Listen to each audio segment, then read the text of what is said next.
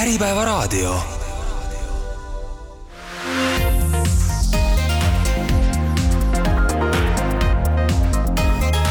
Trinity eetris. tere kuulama Äripäeva raadio saadet Trinity eetris. räägime täna andmevahetusest finantsasutuste vahel ja rahapesu tõkestamisest. külalisteks on Trinity advokaat Marju Lehmets ning tehnoloogiaettevõttest Salv peajurist Kelly Nõmmiko ja Salv Bridži tootejuht Ester Egert, saadet juhib IT-uudised.ee juht Indrek Kald. kes praegu ei saa meie saadet lõpuni kuulata, siis märgin ära, et see saade on järelkuulatav nii Äripäeva raadios kui veebis ja mobiiliäpis. nii, aga lähme korraks teema juurde niimoodi üldise küsimusega, et, et defineerime üldse ära selle nagu rahapesu, mille tõkestamisest me täna räägime et kas see on nagu väga üheselt äh, võetav või on siin ka nii-öelda halle tsoone? ütleme, täiesti tavainimese mõistes on rahapesu olukord, kus mitte ausalt saadud tulu proovitakse siis ausasse finantskäibesse tuua. jah, seal on selles mõttes äh, veel eri, kuidas öelda, olukordi, inglise keeles layer, layering ja instantse, aga põhimõtteliselt kokkuvõttes ta on ikkagi kuritegeliku raha finantskäibesse toomine ma võib-olla lisaksin siia selle, et, et rahapesu ei ole enam selline äh, maffiamehed kohvris kannavad sularaha olukord, et äh, mida aeg edasi, mida rohkem tehnoloogia uueneb, seda rohkem ta on hägustunud, äh, ta ei ole ka selline ainult isoleeritud iseseisev kuritegevuse liik, vaid ta on,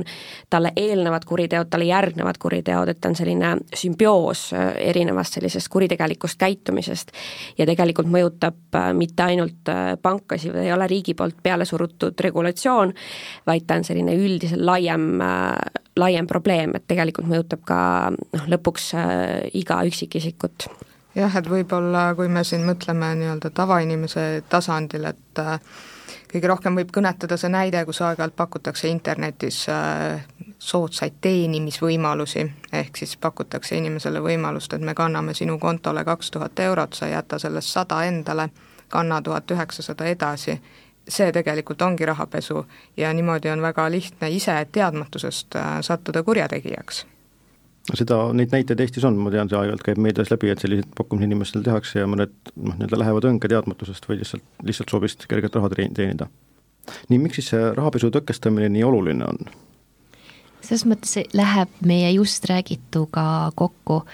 et rahapesu tõkestamine eelduslikult aitab võidelda kuritegevuse vastu, kui kurjategijad ei saa oma raha tagasi finantskäibesse panna, kui nad ei saa selle eest endale, ma ei tea, maja osta, autot osta, selle eest elada,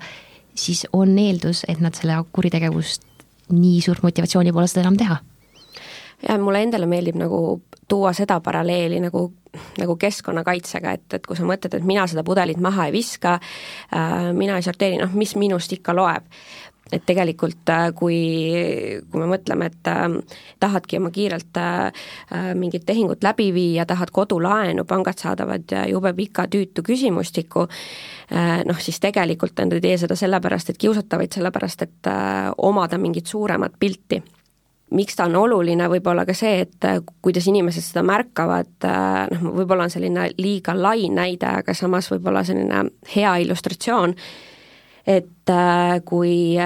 pangad ja kohustatud isikud, võib-olla me peaks ainult pankadest rääkima, neid kohustatud isikuid on veel, tõkestavad äh, rahapesu, hoolsusmeetmed, meil on mingi ülevaade, riigil on ülevaade, siis äh, me riigina ei satu ka sellistesse hallidesse nimekirjadesse, mis tähendab seda, et välisinvesteeringud on tõenäoliselt tõenäolisemad, riik saab parematel tingimustel laenu ja lõpuks lõpptarbijale on ka teenused ja tooted soodsamad. et ta tegelikult, ta mõju on suurem, kui lihtsalt arvatakse, seda peetakse selliseks küllalt kuivaks ja igavaks teemaks, kuid tegelikult tema juured on nagu sügavamal. Ja tegelikult ei ole ta sugugi kuiv ja igav, et, et jällegi nagu Kelly siin alguses ütles, siis tõesti inimesed kujutavad ette, et see rahapesija on niisugune kiilakas meesterahvas paksu kuldketiga, tegelikult mitte, et kui me mõtleme sellesama rahapesu peale ja nende nii-öelda eelkuritegude peale, ehk siis kus see tulu teenitud on, siis kahjuks me räägime siin väga tõsistest asjadest, me räägime inimkaubandusest, me räägime narkokaubandusest, me räägime salaküttidest kuskil Aafrikas ja noh, võib-olla rahapesu tõkestamine ei ole nüüd kõige efektiivsem moodus nende kuritegude tõkestamiseks, aga kui me seda ei teeks, siis see võimendaks ka, ka kõiki neid eelkuritegusid veelgi ja võib-olla siit nagu sisse tuua ka see, et rahapesu, seal ei ole ühte inimest seal vastas, kes saab selle raha äh,, elab oma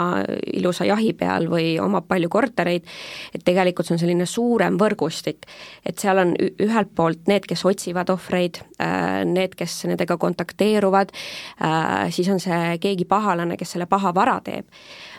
ja, ja lõpuks ta, et kui me selle ühe lüli kätte saame, siis äh, me võime jõuda lõpuni, aga, aga ei pruugi et on selline mm, su-, suurem pilt äh,, lisaks mida ma nagu, et kuna ta on selline võrgustikupõhine, nii palju, kui minu tunnetus on, siis äh, üks, üks roll, millega võib-olla ka Salv äh, oma missiooniga kaasa aitab, on see, et, et me üritamegi võrgustikuga võrgustiku vastu. Et see Salv Bridge iseenesest, kui me hiljem võib-olla sellest ka räägime, sellest andmevahetusest rohkem, on just see, mida noh, selline hea vahend selle võrgustiku kui, kui sellise suurema struktuuri vastu võitlemisel. Siit käis läbi see nii-öelda ohvri sõna korraks, et iseenesest alati ei pruugi seal nagu skeemis ohvrit olla, et kõik osapooled võivadki olla teadlikud nendes rollides ja teha neid nagu siis seadusevastaseid tegusid, aga mitte, et keegi neist oleks, oleks ohver, nagu enne öeldi, et siin tahab no sada eurot teenida. see oleneb jah, et see oleneb konkreetsest, millisest eelkuriteost mm. me räägime, et muidugi võib-olla jällegi igapäevaselt kõnetab kõige rohkem pettuste teema, mis on Eestis ja Euroopas laiemalt praegu väga, väga aktiivne ja, ja siin ongi siis see pettus on eelkuritegu ja rahapesu järgneb sellele. aga no üldjuhul noh, mis tahes kuriteost me räägime, sellel on mingit laadi ohver, et noh, et korruptsiooni puhul on või maksupettuse puhul näiteks see võib olla ka riik, eks ole, aga, aga teiste puhul ta pigem on mingi üksikisik päris alguspunktina. Noh, teine näide on maksukuriteod tavaliselt, mis eelnevad äh, rahapesule, et ja mis on ka, kuna see valdkond areneb, siis umbes äh, noh, ma olen kuulnud, et kahe tuhande üheksateistkümnendast aastast hakati konkreetselt ka dokumenteerima seda, et raha, nagu rahapesule eelnes maksukuritegu et, et see ei ole ainult, et me peseme raha selleks, et finantseerida terrorismi, sõjalist tegevust, vaid sellele ka eelneb äh, mingi tegu. Äh, ja võib-olla täna on ta veel aktuaalsem või kuidagi veel rohkem äh, üksikisiku kuidagi mõtteisse tulnud seoses Ukraina sõjaga. Et me näeme, noh, keegi peab seal mingil hetkel teenima, et, et see on täpselt samasugune nagu terror, noh, terrorismi rahastus et ta läheb aina, aina rohkem äh, päevakorraliseks, väidetavalt, äh, väidetavalt tõkestatakse maailmas ainult väike osa rahapesust. et kuivõrd see tehnoloogia, ütleme siis varasemast suurem kasutamine on seda muutnud või, või parandanud seda olukorda? tehnoloogia areng on ju väga hea, meil on väga tore kasutada igasuguseid äh, e-teenuseid e, e-riik äh,, erinevad ettevõtted, kes pakuvad kiiremaid lahendusi kiiremaks ma ei tea, tehingute toimimiseks samal ajal annab see ka võimaluse nendele pahalastele arendada nagu vastutarkvara. et mõnes mõttes võib ka mõelda, et, et need ettevõtted, tehnoloogiaettevõtted, kes äh, aitavad tõkestada, justkui nagu teevad vasturelvi, et see on selline nagu huvitav selline nagu pingpong, mis käib, et, äh, et kindlasti tehnoloogia areng äh, noh, soodustab seda, et et ka kurjategijad on kavalad ja, ja mis tuleb meeles pidada, on see, et nad on alati meist nagu sammu ees et noh, me peame, me mõnes mõttes tegeleme nagu tagajärjega, et äh, selles mõttes jah, ta on selline äh, huvitav valdkond. noh, ütleme nii, et väljakutsed ei, ei saa kunagi otsa, et rääkides ise küll nagu täna tootejuhi roll, rollis, aga olles ka varem olnud andmeanalüütik, ehk siis äh, see inimene, kes otsib andmetest neid pätte, et see ongi niisugune pidev võitlus ja üksteise ülekavaldamine. ja, ja väga põnev töö tegelikult et kui Salv sellest valdkonnast tegutseb tehnoloogiafirma, siis peab nii-öelda suutma osaliselt panna ennast ka nagu nende kurjategijate rolli, mõelda, kuidas nemad käituvad ja kuidas nad tulevikus käituksid, et nagu siis ennetada seda või, või kiiremini neid jälile saada tegelikult lõppvastutus on ju meil ikkagi finantsasutustel, et Salvil ei ole seda vastutust, aga loomulikult selleks, et äh, ehitada tooteid ja pakkuda kvaliteetset teenust, äh, siis peame ka meie suutma seda teha, jah. Kui rääkida rahapesu tõkestamise seoses nii-öelda turuosalistest, kes, kes siis on need, need põhilised turuosalised või kes, keda see nagu otseselt puudutab, siis noh, põgusalt on need läbi käinud, aga kui nagu see raamistik paika panna me kasutame siin sõna jah, kohustatud isikud ja nende, nende all tegelikult on päris, päris palju turuosalisi, kõik loomulikult teavad, need on pangad, aga need on ka teised krediidiandjad, need on ka teised finantsasutused, aga tegelikult veel laiemalt. meil on maaklerid, kes on kohustatud isikud, meil on raamatupidamisteenuse pakkujad, kes on kohustatud isikud, meil on pandimajad, kes on kohustatud isikud, virtuaalteenuse virtuaalvääringu teenuse pakkujad, kes on kohustatud isikud, ehk tegelikult äh, väga-väga palju valdkondi on sellega, kuidas öelda, kaasatud. ja mis veel ma pean välja tooma, et rääkisime enne siin sõjast, et tegelikult nüüd on sanktsioonid äh, Venemaa vastu, et nendega seoses võiks öelda, et tegelikult äh, kogu turg justkui peaks sanktsioonide kohaldamist, kui neil on sinnapoole äripartnereid, äh, jälgima ja neid ka kohaldama vajadusel jah, et lisaks sellele noh, seadus väga kindlalt määrab, kes on kohustatud isikute ring, aga praktika on see, et ükskõik, mis finantsteenust sa pakud, kui su mahud lähevad suuremaks, su tehingu äh, määrad on suuremad ja sa tahad omada pangakontot äritegevuseks, siis ei ole võimalik, et sa teed seda nii, et sa rahapesu ühtki hoolsusmeedet ei äh, rakenda. Et äh, noh, ühisrahastusplatvormid samamoodi, kellel, kellel ei ole tegevus loa nõuet veel, et noh, see praktiliselt ei ole nagu võimalik, et, et sa, et sa ei kontrolli raha päritolu või, või ei tee sanktsiooni või riikliku taustaga isikute kontrolli. et tegelikult on laiem ja te-, noh, ma, ma isegi julgeks minna sinna, et äh, iga selline äh, ettevõte, kes äh, väärtustab sellist äh, head hügieeni, võiks oma kõik äh, partnerid noh, mitte nii suures ulatuses, aga vähemalt tausta kontrollida, et kellega tegu, et noh, selles mõttes, et ta peaks olema laiem, ta võiks minna selliseks tavaliseks, noh ma arvan, et ta ongi tegelikult läinud selliseks tavapäraseks äritegevuse osaks. et, et selleks ei pea nagu kohustatud isik olema nii kohustatud isik, milleks nad siis kohustatud on, ma kujutan ette, et see on selline nii-öelda mingisugune taustakontroll, aga mida see veel hõlmab või mida, mida, mis see tähendab, see kohustatud isik? siin jooksis läbi ka, me ütleme nende kohta hoolsusmeetmed ja neid on tegelikult päris palju. kõik algab tegelikult isiku tuvastamisest, ehk siis loogika on selles, et sa pead kõigepealt aru saama, kes see sinu klient on, mis äri ta ajab, kes ta reaalselt on, ta isiku tuvastama, tema tegeliku kasusaaja tuvastama kontrollima, ega keegi tegelik kasusaaja või osanik ei ole riikliku taustaga isik, äh, saama aru, missugused on tavalised tehingud, mis on põhilised äripartnerid, mis on maksetavad, ehk siis saama oma kliendist päriselt pildi ette. ja kui sa saad aru, kes on sinu klient, siis on ainuke võimalus, noh, ainult selle pinnalt sa saad ka aru saada, mis on ebatavaline või missugune käitumine võib viidata näiteks rahapesule või terrorismi rahastamisele. et selles mõttes äh, see esmane pilt annab sulle üldse aluse, mille pealt nagu võrdlema hakata? näide, tuleb tehing, ma pean kontrollima, kust see raha on pärit, et see on võib-olla selline väga tavaline õpiku näide ühest hoolsusmeetmest, aga seal taga, mida aeg edasi ja tegelikult see, mida regulatsioon nõuab, on see, et sa määrad oma ettevõtte tegevusvaldkonda arvestades riskiisu, sul on suurem pilt, sa, sa ja tegelikult ka see on ettevõttele kasu, kasulik. ühelt poolt jah, ta kliendi toomist siis äh, teenusele, see ligipääsevus, ta, ta aeglustab protsessi, samas äh, kui sul on rahapesuriskid hindamata, samamoodi andmekaitseriskid hindamata, siis tegelikult äh, kas su toode on nagu kvaliteetne, et see aitab sul mõista ka ettevõttesisest riski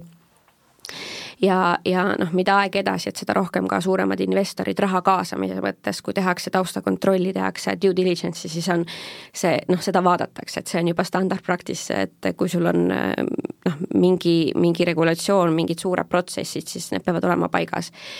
et äh, kui noh, juriidikast veel nagu kaugemale minna no tavainimesel me näeme seda, kuidas öelda, see manifest nagu tuleb välja selles, meile saadetakse ankeet et saadab pank sulle ankeedi, palun ütle, mis on su nimi, kas sa oled krediitliku taustaga isik, kust su raha tuleb, kõik need asjad. aga seesama, kuidas öelda, kohustus ongi kõikidel neil kohustatud isikutel sinu kohta kõik see informatsioon koguda. et selles mõttes noh, pluss siis muidugi meil on mingi sanktsioonikontroll, kes teeb, kuidas öelda, adverse media check'i, et igasuguseid selliseid äh,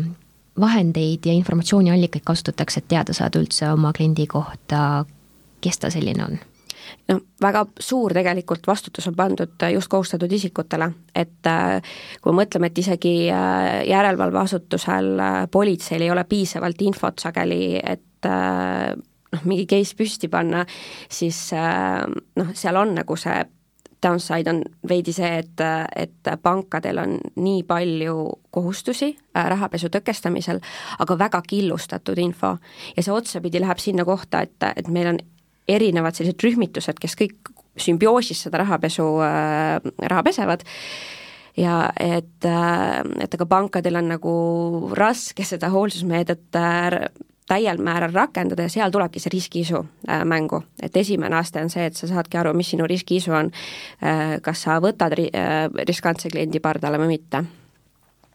kui me rääkisime siin sellest ankeedi täitmisest, noh ütleme raadiokuulajad kliendina ilmselt on sellega kokku puutunud, aga aga kuidas veel käib see nii-öelda riskide hindamine siis või mingite kahtlaste tehingute või, või klientide tuvastamine, et noh, sealt ankeedist ju ilmselt ei, ei pruugi välja tulla, et kahtlane? no tegelikult äh, mingi piirini on see niisugune loominguline või võrdlemisi abstraktne tegevus, et ei olegi nii täpselt seda ette kirjutatud, et mis sa nüüd tegema pead, et sanktsioonikontrollid on, on sellega võrreldes lihtsad. lihtsalt tuleb veenduda, et ei klient ega tehingu osapool ei ole üheski nendes ametlikes sanktsioonilistides mis on noh, kõigile saadavad tegelikult ja avalikud.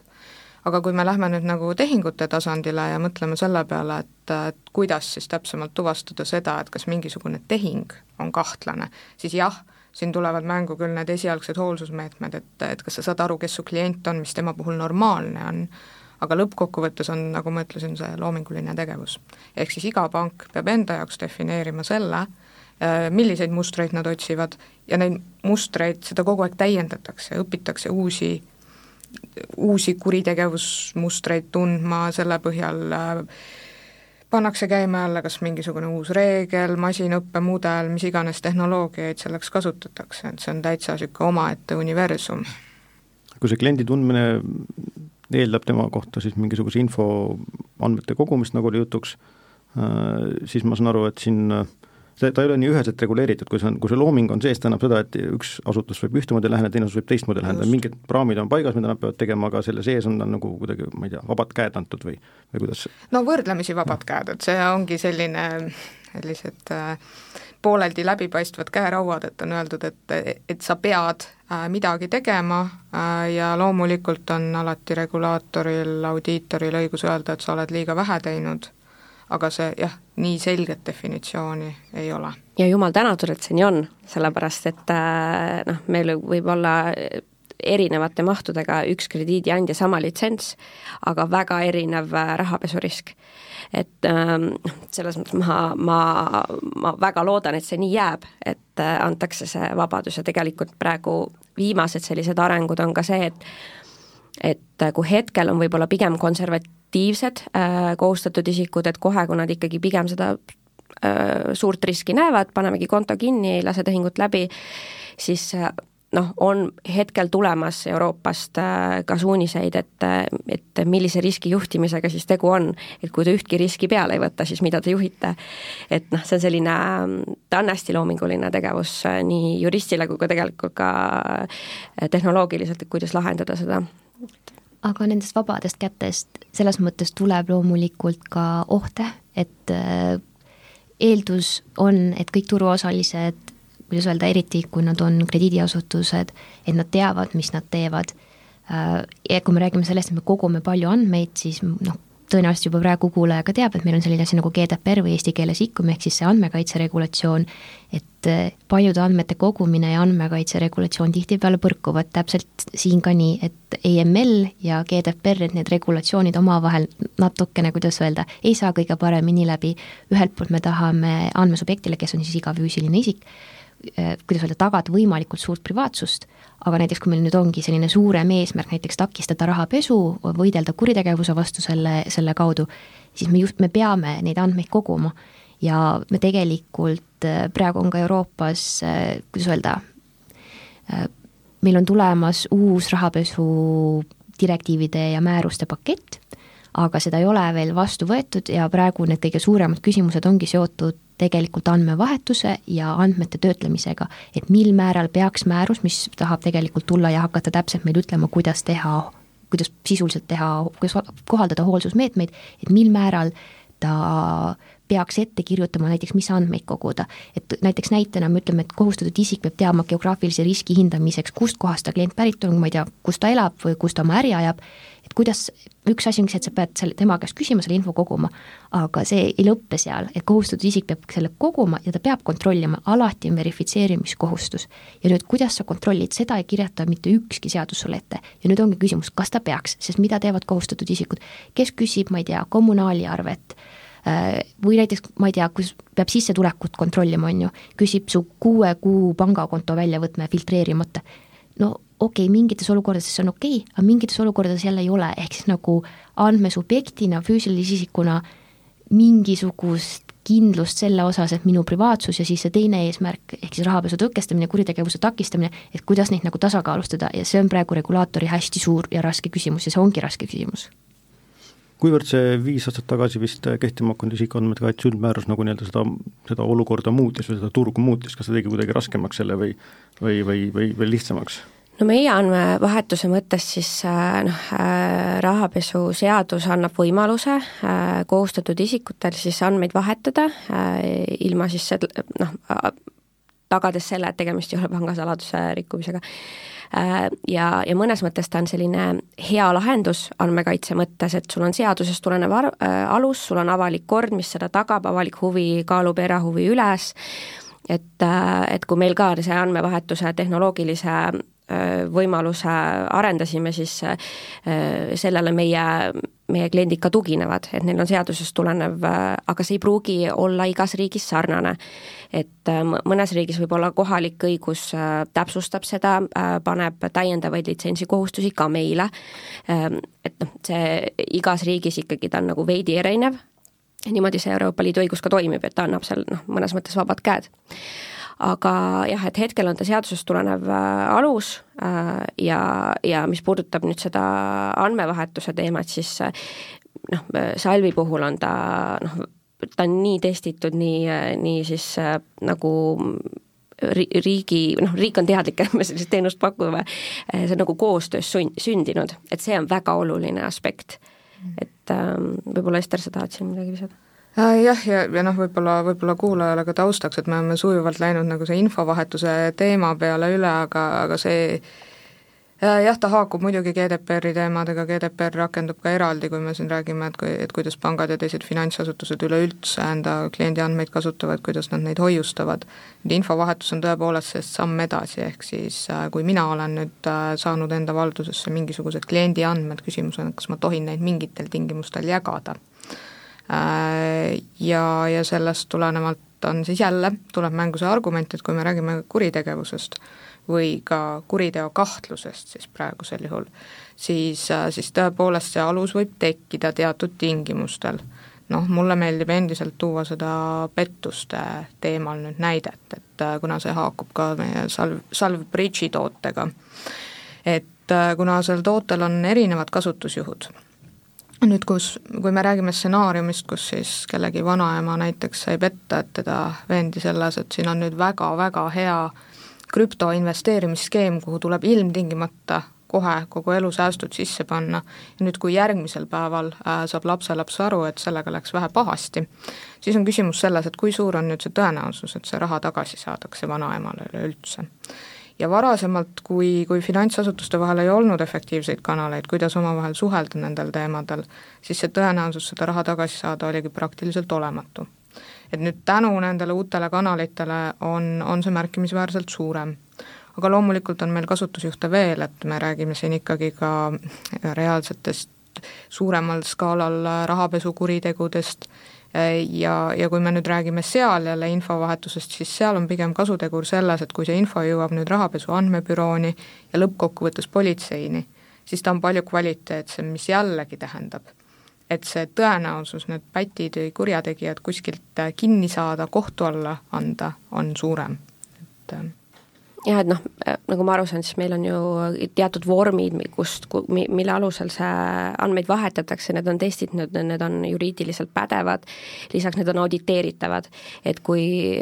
kui varem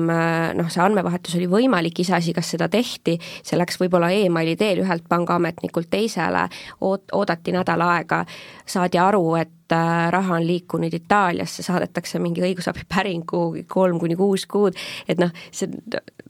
ta on, ta on niivõrd nagu pikk protsess, et et kuna, kuna nagu ma ütlesingi, et kurjategijad on mitu sammu ees, siis me peame kiirendama seda,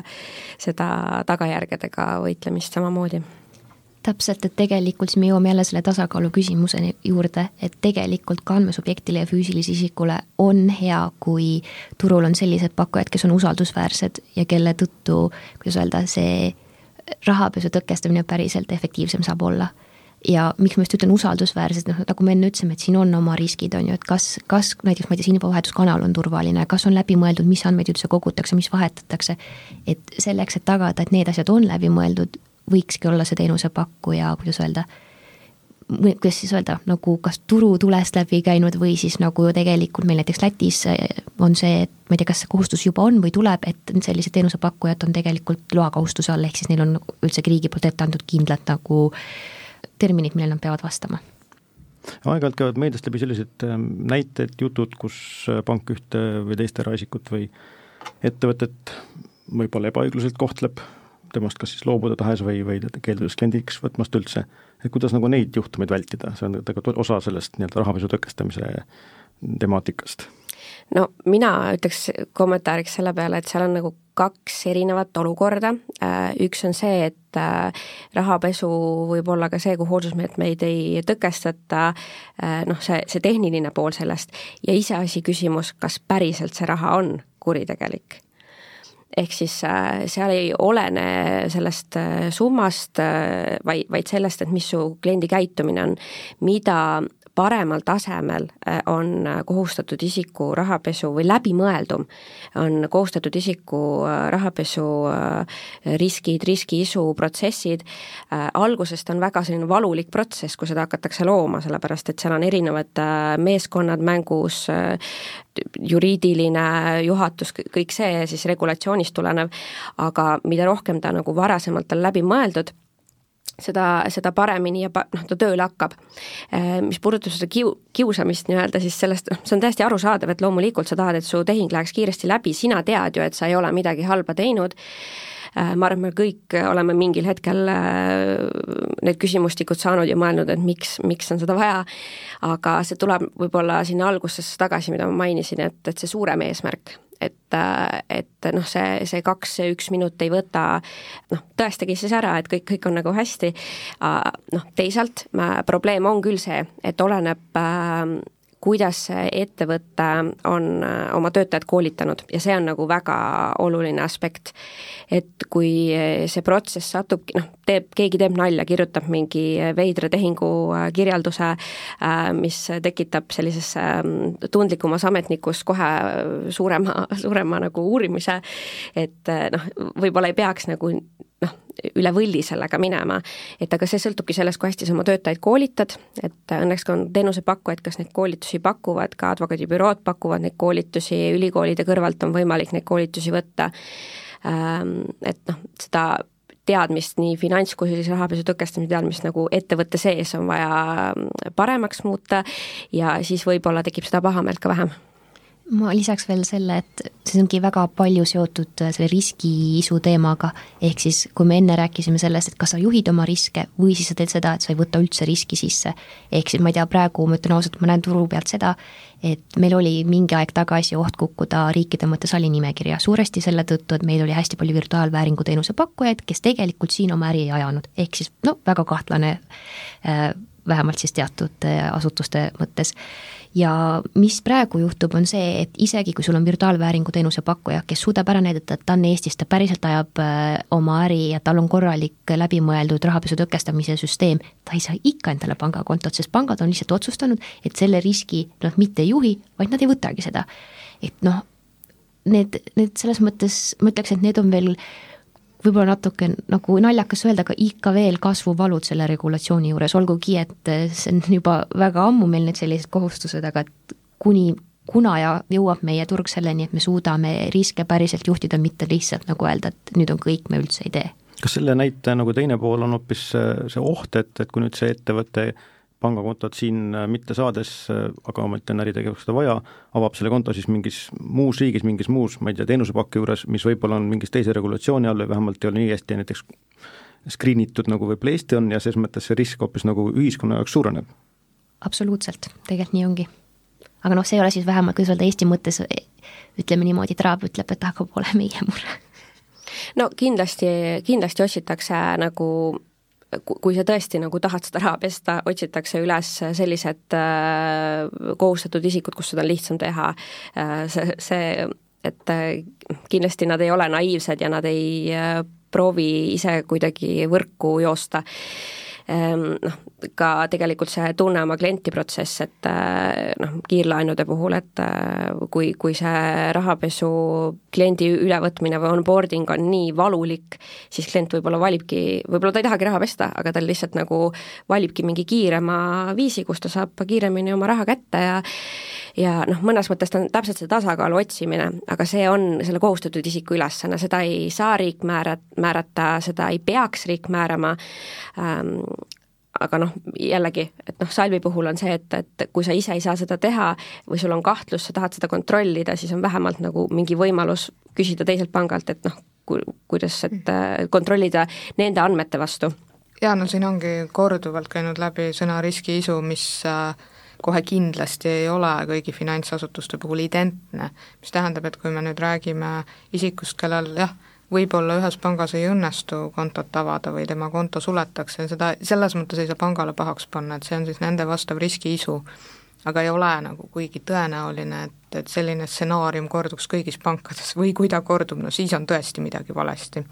sest riskiisu on, on erinev ja kui noh, Kelly siin viitas nüüd see infovahetusele riskiisu kontekstis, siis see tähendabki seda, et pankadevahelise ja finantsasutuste vahelise infovahetuse tulemusena saadud signaale ei, ei saa ükski osaline tõlgendada üks-ühele, ehk siis ei, ei saa võtta niimoodi, et kui see klient ületas teise panga jaoks riskiisu, siis ta ületab ka minu jaoks. vaid see tõlgendus tuleb teha algusest peale, jah, ta võib anda täiendava signaali juurde, et oot, ma peaks siia korra tähelepanu pöörama, aga see on ka kõik ja kindlasti Salv ei tee seda otsust nende eest, äh, et noh, näed, et see isik on meie jaoks kuidagi, et me ei, me ei oma sellist suurt andmebaasi, kus on kõik äh, potentsiaalsed baasinimesed koos, et seda kindlasti ei ole, et pigem on ta selline äh, tool või noh, vahend pankadele paremini oma hoolsusmeetmeid kohaldada, aga otsuse selle kohta, kas nad lõpetavad ärisuhte, kas nad lasevad tehingu läbi, on puhtalt panga, panga otsus see riskiisu, selle, selline teine pool omakorda on ju risk ka kliendi jaoks, et ta jääb sellest äh, elutähtsusteenusest ilma, et ta ei saa seda pangakontot loodud või, või oma tehingut seal, seal teha. kuidas praegu see andmevahetus äh, toimub, kui palju see nagu riigiti erineb ja kui palju see on erinevalt reguleeritud Euroopa Liidus või, või, või laiemalt maailmas? Üsna erinevalt riigiti, et siin ongi küsimus, et kuidas see kohaliku seadusandluse tasandil on rakendatud, et Eestis, Eesti kohalik seadusandlus on võrdlemisi mitte liberaalne, aga selles mõttes lubav siis teatud piirides. aga näiteks kui me vaatame siin teisel pool lahte põhjanaabrite poole, siis nemad on mingil määral konservatiivsemad. see konservatiivsus tähendab, on see, et neil on väga selgelt defineeritud, milliste stsenaariumite korral on lubatud ühe asutuse poolt teisele asutusele siis info edastamine, et noh näiteks äh, stsenaarium, et ainult juhul, kui on aset leidnud konkreetne tehing, mis on liikunud siis äh, sama isiku ühelt kontolt sellesama isiku teisele kontole. et noh, tihtipeale näiteks seatakse niisuguseid piiranguid. aga see on riigiti erinev, et noh näiteks jällegi, see jääb nüüd küll väljaspoole Euroopa Liitu tänase definitsiooni järgi, aga Suurbritannia siiski on juba siin viimased aastakümned üsna liberaalne olnud, eriti kui me räägime pettuste tõkestamisest. et äh, ja tänu sellele on nad ka ehk mõnevõrra efektiivsemad olnud selle probleemiga tegelemisel. ütleks ka seda, et see on üks asi, mida nüüd selle uue rahapesu tõkestamise paketiga kuidas öelda siis, natuke teha tahetakse, et ühe, ühtlustada seda, mismoodi Euroopa Liidu liikmesriikides andmevahetus reguleeritud on, et määruses tegelikult tahetaksegi sellele reegleid panna, aga nüüd ongi küsimus, et kui palju peaks ära reguleerima, kui palju peaks ette kirjutama, et ühelt poolt anda see vabadus, mis tagab seda efektiivsust, aga teiselt poolt kaitsta siis seda füüsilist isikut. et äh, need on asjad, mis tegelikult veel on selgumisel, pole ära vaieldud nii, aga vaielgem siis, kuidas te näete, kas peaks nagu rohkem reguleerima või, või, või nii-öelda see efektiivsus ja vabadus teisel pool kaalukausil on nagu olulisem? no ütleme niimoodi, et äh, nii palju, kui on inimesi toas, tõenäoliselt on äh, arvamusi, mina arvan, mingil määral peaks olema ette kirjutatud, vähemalt siis põhiolukorrad või eesmärgid, mil juhul seda andmevahetust teha tohib. Ehm, võib-olla ma olen rohkem selle, kuidas öelda, füüsilise isiku vaates ja natuke vähem siis tegelikult äh, selle reaalse panga või kohustatud isiku vaates, kuigi ka advokaadid ise on kohustatud isikud ja ma näen seda nagu raskust ja vaeva ja ma nagu saan täiesti aru, miks see kõik on vajalik. et äh, võib-olla mind kui füüsilist isikut teeks rõõmsaks see, kui ma nagu enam-vähem tean, et need ma ei tea, kas siis need turuosalised, kes pakuvad neid teenuseid, kuidas andmevahetus on, et need on reaalselt võib-olla ongi, ma ei tea, kas loakohustuslased või on ette umbes kirjutatud, missugused turvameetmed peaksid kohalduma, et mingit sellist turvalisust tahaks näha. no näiteks Salve puhul ma tean, et nad, et nad reaalselt on ka selle päriselt äh, läbi mõelnud, aga no see ongi, ongi see, et kuidas sa näiteks tagad, et keegi teine, kes seda sellist teenust pakub, et et, ta reaalselt selle kvaliteedile vastab, on ju, et võib-olla midagi tuleks regulatsiooni sisse kirjutada. aga teiselt poolt me jõuamegi jällegi sinna, et kirjutame liiga palju ette. Sul on kurjategija kümme sammu sust ees, sa ei jõua, sellest lõpuks on umbes nii, et meil ei ole mingit kasu sellest, mis me teeme, et me ei saa auditeerimise nõue eh, kaks korda aastas sellele tehnoloogiale, et noh, siis sa tegeledki auditite läbiviimisega, mitte eh, noh, loomulikult me tahaks regulatsiooni, mis oleks ju noh, ma muidugi olen erapoolik, aga meile kasulik, eh, samas kuna see on väga seotud tehnoloogiliste vahenditega, kogu see andmevahetus, kogu see turvaline andmevahetus, siis äh, kui lõpuks jõuame me mingi väga spetsiifilise regulatsioonini, tehnoloogia on juba arenenud, see juba ei ole relevantne, see regulatsioon. seega ma pigem nagu jääks sellise printsiibipõhiseks mulle väga meeldib, kuidas Eesti on selles mõttes selle lahendanud, et äh, me lubame seda, me ei karista selle eest ja, ja tulevad ja räägivad kaasa, et selles mõttes on nagu väga noh, seda on nagu hea vaadata ja ta oleks nagu selline hea näide ka Euroopale. Ja kindlasti ta peab jääma, see andmevahetuse võimalus, et see on, see, selle kasutegur on noh, tõestatud, et et see on nii jah, eks seda Eesti edulugu noh, me käime ka ju rääkimas erinevates riikides ja mitte ainult meie Salvi poolelt, aga ka samamoodi meie andmekaitse ins-, inspektsiooni inimesed, kes on olnud kogu selle protsessi juures ja seega ma olen nõus, et et Eesti on niisugune hea näide. Et meil on äh, hea sõnastusega seadusandlus, mis võimaldab teha piisavalt, aga samas, äh,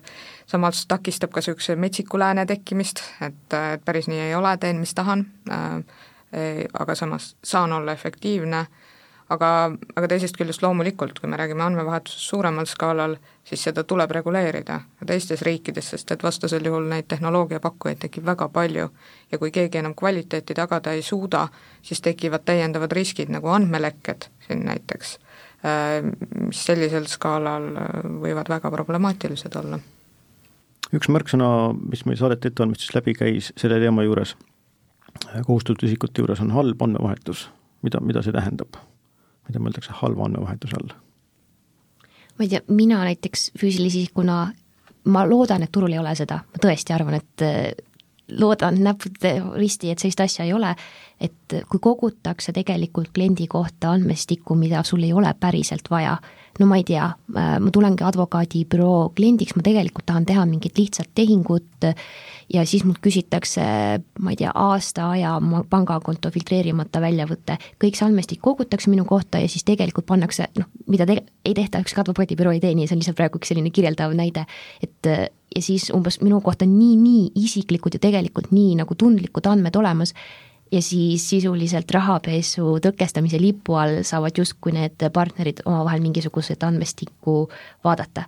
see on see, mida me kindlasti ei taha, see oleks halb, aga ma ütlen, et tegelikult praegu nii ei tehta ka, et vähemalt tegelikult test-, andmekaitse regulatsioon tegelikult seda juba ei luba ja see on see, mida me tahame vältida ja ma arvan, et praegu turu peal ei ole ka. et andmete kogumine peab olema proportsioonis selle võimaliku riskiga? ja, ja see, mis sa kogud, see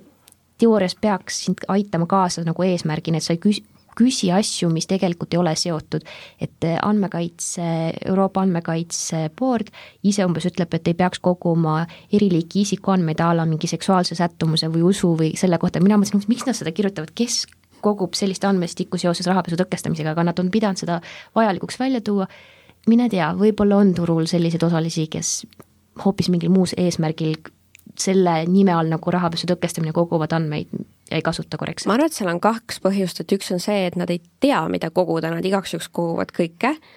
ja teiseks on see, et äh, ka väga teadlikult kogutakse need andmed ja võib-olla kuskil tagatoas kasutatakse mm, oma tootearenduses, marketingis, et, et ma saangi teada, noh näiteks krediidivõimelisuse hindamine on natuke teine teema, aga samamoodi, et sa saad teada, mis ta leibkond on, äh, mitu last, mis võib-olla vanuses nad on, oleneb, mis sa sealt küsid, ähm, ja siis pakud talle puhtjuhuslikult, tuleb emailile toode, mis sobib koolivaheajaks, võta laenu, mine reisile, noh, et, et noh, see on selline nagu paha, paha asi, aga, aga ta on pigem jah, andmekaitsealane, ehm, noh, taaskord, et kogu see andmevahetus rahapesu mõttes ehm, ja see rahapesu teema üldiselt, äh, nagu ma alguses ka ütlesin, ei ole võib-olla kõige populaarsem, äh, ta tundub selline tüütu tavainimesele, tegelikult äh, ja, ja samamoodi, kui keegi siis tegeleb selle halva andmekogumisega ja vahetusega, siis samamoodi ta nagu rikub seda mainet ja et aga noh, see on iga, iga asja kohta on need äh, sellised ähm, turgu solkivad elevandid, et eks neid tule, nendega tuleb tegeleda. teistpidi, kui mõelda nüüd tehisintellekti peale, mis on eriti viimase võib-olla aasta jooksul teravalt nagu esile kerkinud teemana, et siis see, see justkui nagu ma ei ütle, et õigustab, aga tehisintellekti saab ära kasutada nende igasuguste andmestikuga läbitöötamisel, et midagi siis leida neid, kas neid samu pakkumisi teha või mis iganes nende andmete pealt nagu siis mingeid mustreid, lahendusi, ühesõnaga mingit ära kasutada tehisintellekti, kui sul on hästi palju võib-olla mittevajalikke andmeid ka kogutud? no tehisintellekt kindlasti võimendab seda potentsiaali jaa, et ega, ega seda sai teha ka varasemalt, aga tehisintellekti definitsiooni kohaselt juba mida rohkem andmeid, seda parem. Ja siis loodetakse sealt leida asju, mida, mille peale ei pruugi tullagi varasemalt. Ja mis võib ka tõele vastata, aga, aga siin tekibki see vastuolu, et siis kui palju ma ikkagi peaksin koguma ja mille jaoks täpsemalt. Aga siin tegelikult ei tohi ära unustada, et tehisintellekt iseenesest rahapesuvastases võitluses pigem võiks olla, kuidas öelda, liitlane, ehk siis rääkides suurtest pankadest, kus on palju-palju tehinguid, nende reaalselt nagu inimeste poolt kontrollimine ei ole mõeldav, et me pangad kasutavad ja peavadki kasutama ja küsimus on pigem selles, et me turuosalised neid andmeid, mida nad lasevad siis tehisintellektil või mingitel algoritmidel, kuidas seal siis kontrollida, et need oleks enne läbi mõeldud jah, et eks sa saad ju õpetada teda välja, aga noh, teatud väga spetsiifilisele mm, ülesandele, et ühelt poolt noh, üks näide võib olla see, et mis on hästi tüütu tavaliselt nendes rahapesutiimides, on raha päritolu dokumentide kontroll. et sa vaatad seda summat, mis on tulnud ja siis sul tuleb mingi äh, mudrudokumente, kus sa pead siis otsima, et kõik summad klapiksid ja kust ta siis selle nüüd päriselt selle raha sai. et mõnes mõttes ideaalses maailmas oleks hea, kui me saaksime ai-d nagu äh, kuidagi koolitada välja mõtlema nii, nagu see töötaja mõtleks,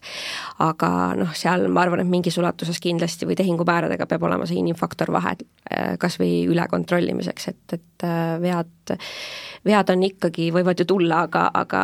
noh, pigem ma jah, oleks nagu innovaatilisem selles osas. jah, ütleme niimoodi, et EML-i valdkonnas ei ole veel seda ohtu, et äh, chat GPT vahetaks töötajad välja ja tõenäoliselt ei teki ka, sest äh, juba regulaatori tasandil on ikkagi väga selgelt mm -hmm. öeldud, et sa võid kasutada masinõppemudeleid just igasuguse kahtlase tegevuse tuvastamiseks, aga lõpphinnangu peab andma ikkagi inimene siin, et, et masin veel seda punkti siin asendada ei saa no tehisintellekti kohta öeldakse jah, et ta mitte ei vaheta inimesi välja selles mõttes, et ei saada inimesi ettevõttest pensionile või, või ära teise kohta, vaid lihtsalt need inimeste ametinimetused muutuvad, et nad hakkavad tegema mingit muud, loodetavasti targemat tööd ja siis mingisugune, ütleme nii, siis rumalam või rutiinsem töö jääb siis nagu võib-olla siis roboti või arvuti teha. aga milline võiks olla rahapesu tõkestamise tulevik? me rääkisime natuke tehisintellekti nii-öelda kaasamisest, et mis, mis märksõnu võiks veel välja tuua üks on regulatsiooni pool nii ehk naa, aga, aga mis, mis meil veel praegu nii-öelda lähemas tulevikus teada on? noh, tehnoloogilise külje pealt on jah, üks asi on tõepoolest masinõpe, aga, aga teine asi on ikkagi kõik seesama võrgustikud. et äh, noh, et mis jaoks see infovahetus on vajalik, on see, et üldjuhul toimub rahapesu võrgustikes. see tähendab, et mina üksi ilmselt midagi ei pese, vaid mul on kümme sõpra ka, mõnikord sada sõpra, mõnikord kakssada sõpra ja rahapesu tulevik on, äh, või rahapesu tõkestamise tulevik õigemini siis. mõlemast võib rääkida no,. just rahapesu enda tulevik võiks tume olla loodetavasti, aga tõkestamise tulevik siis selle võrra helgem, et äh, et finantsasutused äh, peavadki suutma omavahel nutikalt infot ja andmeid vahetada järjest rohkem, sellepärast et ainus võimalus saada võrgustiku vastu, ehk siis kurjategijate võrgustiku vastu, on ise võrgustikuga peale minna nii-öelda ja, ja noh, Eestis me juba selles vallas edulugusid näeme, eks Salvi, Salviga me muidugi oleme aktiivsed siin ka teistes riikides, nagu Suurbritannias, mujal Lääne-Euroopas, siin Baltikumis veel mõne, mõnes paigas, et meie nägemus on see kõik üks, ühel heal päeval lähiaastatel kokku tuua ja, ja seega ka tõsta seda, et noh, et saate alguses sai mainitud, et ega see rahapesu tõkestamine ei ole täna väga efektiivne, et me räägime siin mingisugusest paarist õnnetust protsendist, kui sedagi, mis siis suudetakse tõkestada, et äh, noh, kui me suudaksime selle viia näiteks sinna kümne-viieteist protsendini juba lähiajal, tänu tehnoloogiale, tänu, tänu regulatsioonidele, siis ma ütleks, et see oleks suur-suur asi nii, aga võtame, võtame kokku selle teema, mis on siis kõige olulisem, mis on teie nii-öelda soovitused turuosalistele, mida teha rahapesu tõkestamiseks?